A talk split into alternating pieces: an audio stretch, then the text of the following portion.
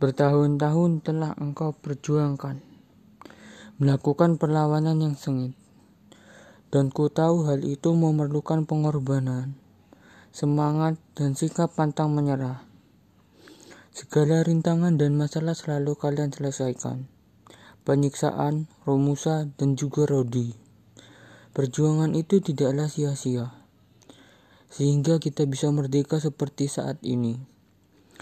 Pengorbanan yang berharga dan berarti tidaklah menjadi sia-sia. Dengan jeripaya kita akhirnya merdeka. Semua itu adalah perjuangan untuk Indonesia tercinta. Tak terbendung rasa terima kasihku pada para pahlawan, sehingga akan ku kenang selalu perjuanganmu.